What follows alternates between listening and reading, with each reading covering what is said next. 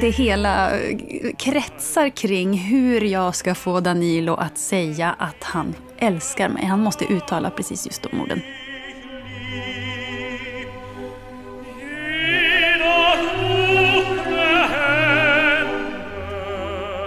I den här världen så slutar det ju lyckligt förstås. Eh, I någon slags tro att, att, eh, att människor verkligen kan mötas i kärlek. Eh, vilket eh, livet ju också ger många exempel på att det verkligen kan vara så. Valsmusik, kärlek, humor. När Glada änkan får premiär på Kungliga Operan är det första gången Franz Liars älskade operett spelas här sedan 1948. Då hade revyförfattaren Kardemummas bearbetning givits under hela andra världskriget. Idag är det komikern Henrik Dorsin som fått uppdraget att med kärleksfull hand skriva om libretton från 1905.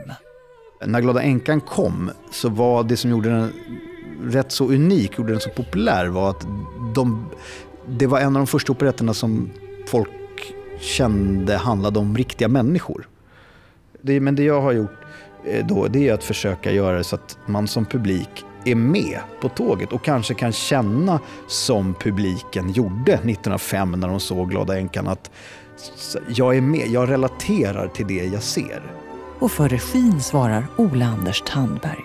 Så det kan säga att det Henrik har skrivit det är en slags kulturpolitisk satir av Glada änkans eh, ursprungsberättelse.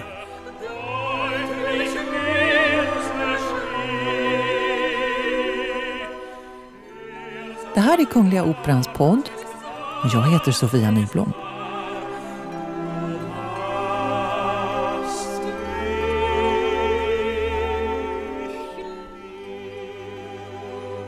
Operetten blomstrade i förra sekelskiftets Wien. En komedi i borgerlig miljö med kärleksintriger och lyckligt slut.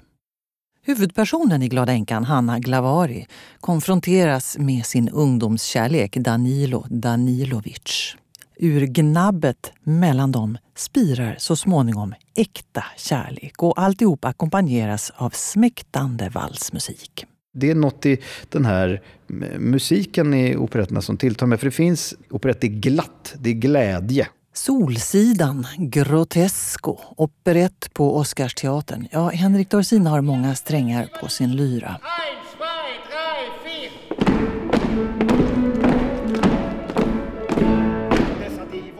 Men när han nu skriver text till Glada änkan så får han eh, knyta an till sin stora kärlek till en konstart som han menar hamnat oförtjänt i skuggan. Det kan vara så att det är något psykologiskt, det kan ha något med min barndom att göra. För jag vet att min mormor tyckte mycket om operett och gick och tittade på Oscarsteatern på, på de här operetterna.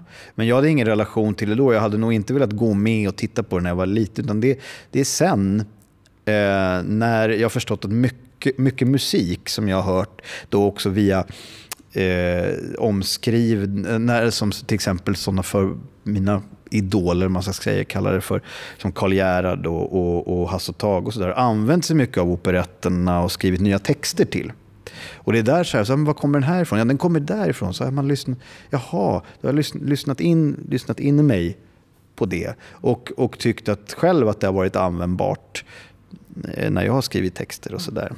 På Kungliga Operan så blir Glada änkan teater i teatern. Och Henrik Dorsin spelar teaterdirektören som bestämmer sig för att iscensätta Glada änkan för att rädda Kungliga Operans ekonomi. Hanna Glavari! Hanna Glavari! Ja! Ola Anders Tandberg berättar. Det man följer under eh, kvällen är ju uppsättningens progression. Alltså från det att första akten handlar om en katastrofartad premiär på Sigfrid där teaterchefen eh, är under stort press av sin styrelse att hitta en lösning på hur han ska lösa Kungliga Operans taskiga ekonomi eh, genom att anställa en ett affischnamn. Hanna Glavari, som är en stor sångerska som numera bara har bestämt sig för att sjunga operett. Så det passar ju väldigt bra då. Med hela eh, utvecklingen i Glada änkan och, och eh, hur en eh, operaföreställning repeteras fram och vilket öde den kan få.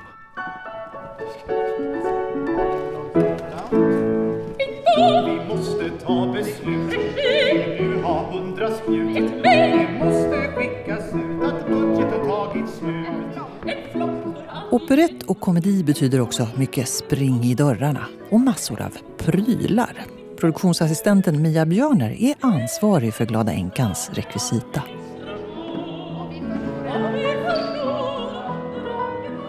Jag tar ju fram produktionen. Så jag är med från idéinlämningen till premiär. Och sen släpper jag till de som kör föreställningarna inne i huset, de två skiften. Och plus en massa kvällsextra brukar det också bli för att allt ska ju gå så fort på operan, alla byten. Det är ju vissa takter, sen ska det vara klart. Valkyriespjut, är det rekvisita? De är rekvisita. Och de sitter också där av säkerhetssynpunkt. De där är metallrör, så man kan ramla mot dem och ta emot sig utan att man gör sig illa. Så man inte ska ramla ner från Valkyrieklippan? Men i början står det varsin valkyria vid varsitt spjut med en sköld också. Snyggt. Eftersom vi börjar inte då i Glada änkan utan vi börjar ju i Sigfrid. Väldigt logiskt. Eller hur? Självklar övergång där.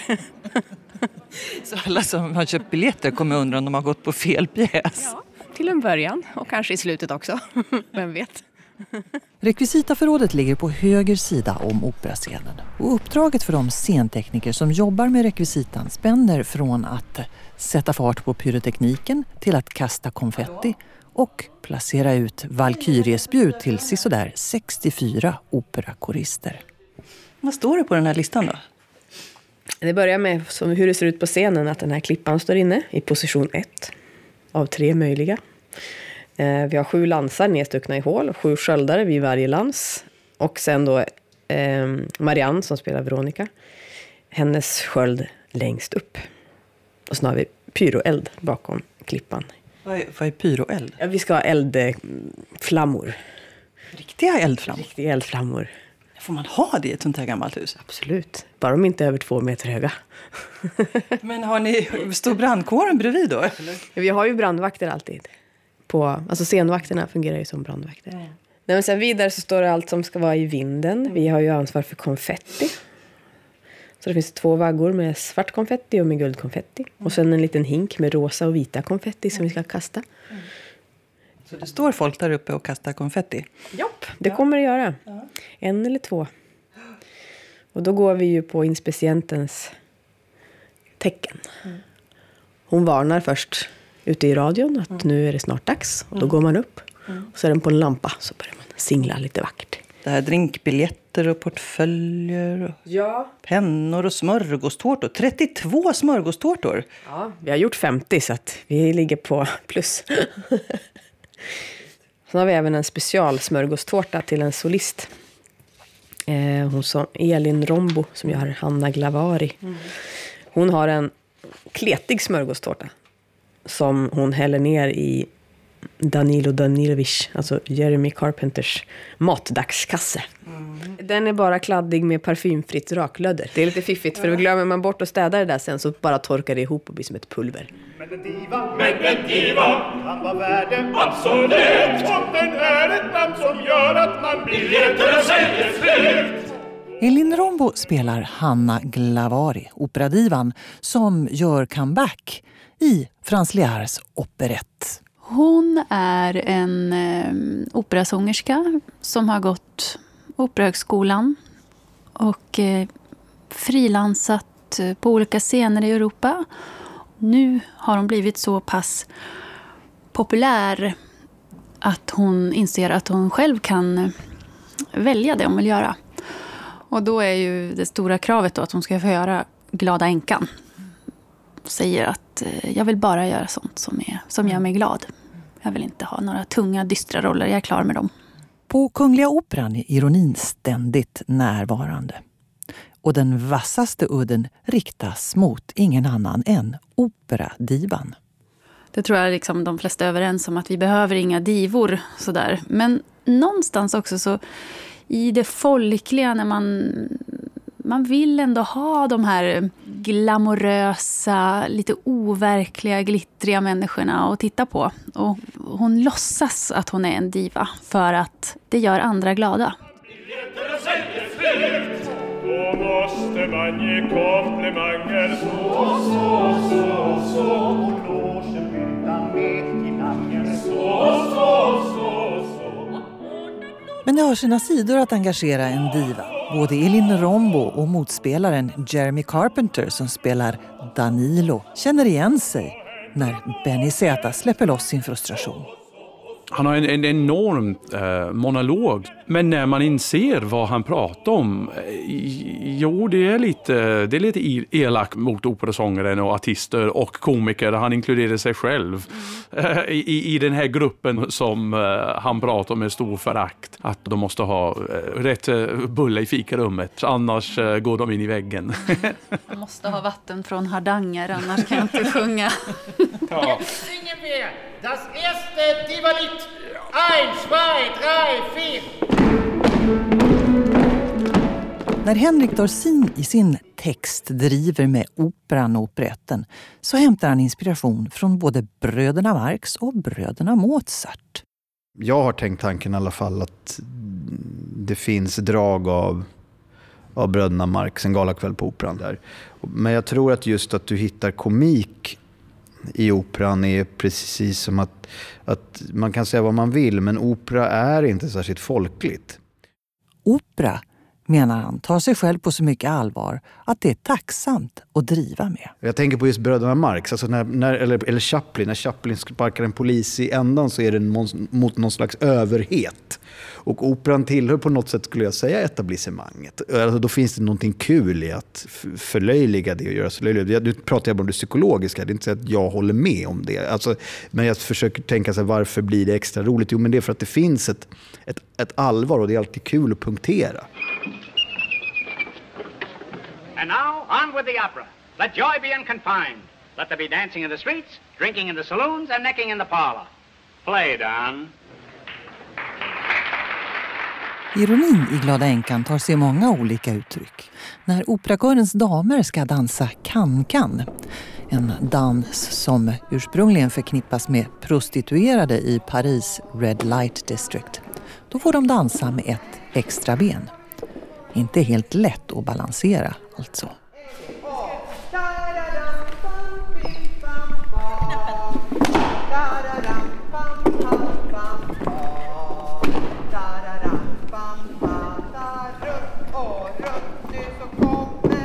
Ska ha tre ben som grisett. Ja, exakt.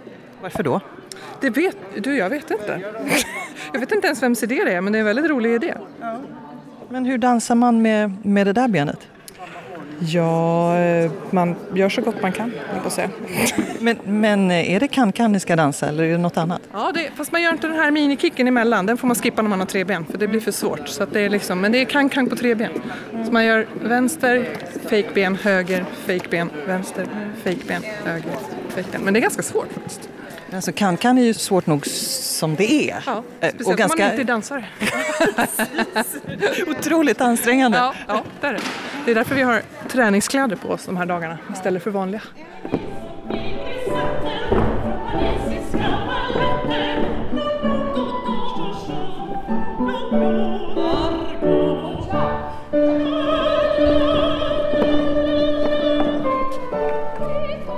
Är det då som gör att skrattet i en teatersalong verkligen bottnar? Skrattet inför en prostituerad trebent kan-kan-dansös? Eller den ganska katastrofala kurtisen mellan en diva och en argsint teaterregissör?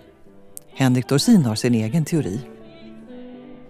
Jag, jag tycker ju oftast att det blir roligare när det finns ett allvar med. Sen, om, sen behöver det allvaret kanske inte, man behöver inte skriva det på näsan, men att man känner att man bryr sig om karaktärerna.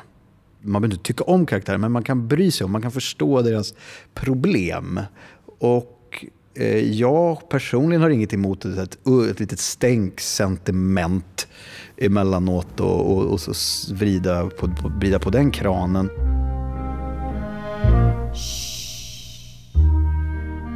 Teaterregissören Danilo, som uppvaktar divan Hanna Glavari, spelas av Jeremy Carpenter. Och man kan både skratta och gråta åt turerna i deras komplicerade romans. Hela stycket hänger på att eh, Hanna vill att Danilo säger att eh, han fortfarande är kär i henne och jag älskar dig. Men han har jättesvårt att säga det. Så att eh, det är hela Glada änkan i en nötskatt.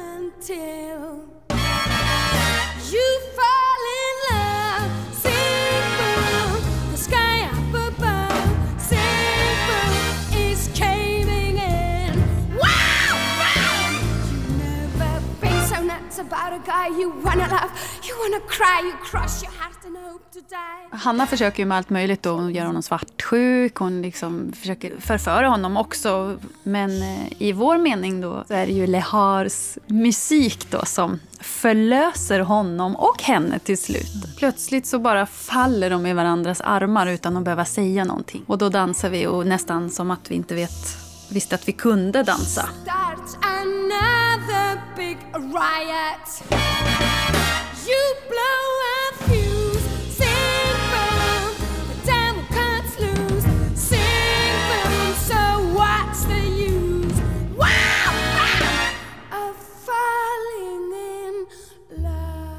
Men skulle de här två människorna kunna älska varandra på riktigt?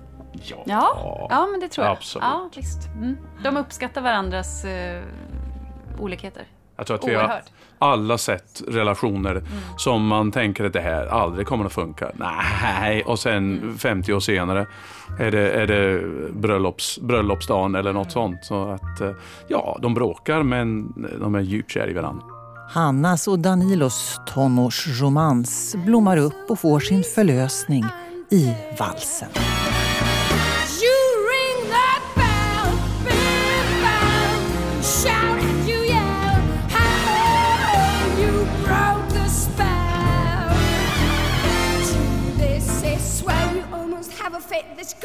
Is and I got hit. There's no mistake. This is it! Även om Ole Anders Tandbergs och Henrik Dorsins Glada änkan är förflyttad till en teaterscen så är det ändå kärleken som står i centrum, precis som i ursprungsoperetten. Alla låtarna är med och alla sångerna handlar om detsamma. Fast nu handlar det om Ska vi göra Glada änkan på Kungliga Operan? Är det vår uppgift? Eh, och vi är fullt medvetna om att vi gör det bara för att vi behöver pengar i kassan regissören Ole Anders Tandberg. Och är det då tillräckligt anledning att sätta upp den och kan vi hitta ett sätt att sätta upp den så att vi ändå eh, försvarar vår konstnärliga integritet? Ja, kanske vi kan det genom att hitta en regissör som är tillräckligt eh, eh, avantgardistisk så han kan göra något med det här stoffet. Vi känner igen vår egen tid i det. Hantera de här eh, problemen med hur man framställer prostituerade på scen som några glada eh, kvinnor som dansar i en trapp och så vidare. Um, och då följer på något sätt alla bitarna på plats då, väldigt, väldigt raskt. Glada änkan håller upp en skrattspegel både för de som jobbar på Kungliga Operan och för publiken som besöker Kungliga Operan. Elin Rombo divan Hanna Glavari. Jag tänkte för något ögonblick, liksom när vi började repa, så här, om vi är med i något så här experiment. liksom. För att det är liksom, vi sjunger om, typ om oss själva, mm. eller texten är ju väldigt riktad in i huset, mot oss, mm. som vi är. Och det är så många lager att förhålla sig till. Men till syvende och sist på något vis så är det ju ändå, vi får, vi får spela det Henrik har skrivit. För det går inte att vara så här, eh, fast jag fattar ju att det kanske här handlar lite om mig. Och det går inte att få fram alla lager ut från scenen. Så att mm. vi har ju pratat mycket om vad som är vad. Alltså man skrattar ju åt eh, väldigt dråpliga situationer som uppstår. Och sen blir det lite så här, oh, ja just det, men så här är det ju. Liksom. Jeremy Carpenter, teaterregissören Danilo Danilovic. karaktärerna är väldigt, det är stora kontraster mellan dem och, och då blir situationer roliga på grund av att man, man hittar på kanske omöjliga ehm, situationer. Men sen du, sen Elin precis sagt, när man reflekterar om det, eh, faktiskt stranger than fiction.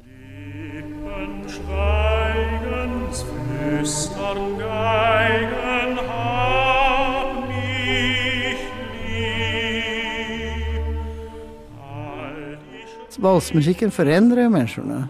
I den. Hur då?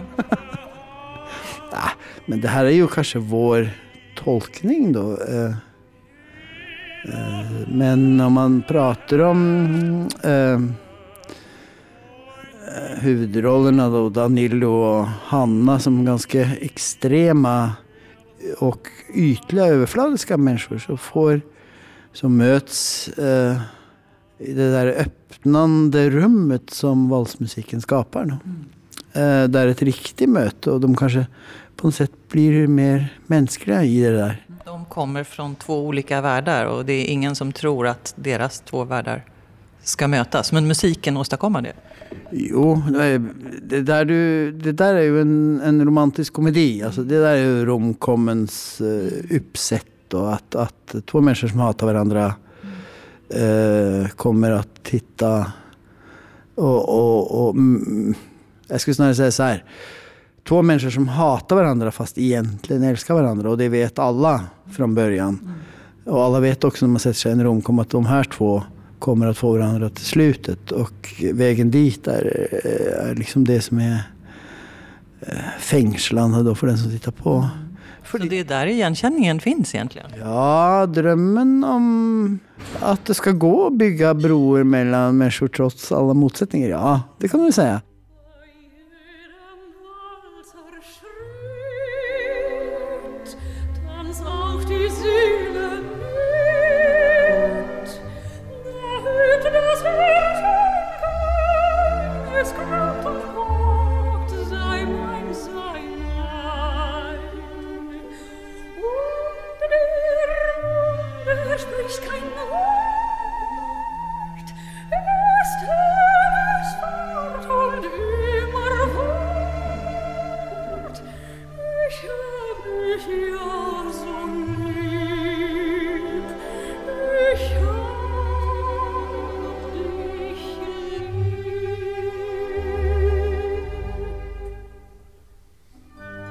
Lyssnat till Kungliga Operans podd om Glada änkan. I podden har du träffat eh, textförfattaren och eh, komikern Henrik Dorsin. Sångarna Elin Rombo och Jeremy Carpenter, produktionsassistenten Maria Björner och även regissören Ola Anders Tandberg. Och så har vi hört artisten Björks Oh So Quiet och förstås musik ur Glada änkan i en inspelning med Herbert från Karajan. Och jag som producerat podden heter Sofia Nyblom och för ljudmixen svarar Kristoffer Krook. Och podden görs hos produktionsbolaget Munk.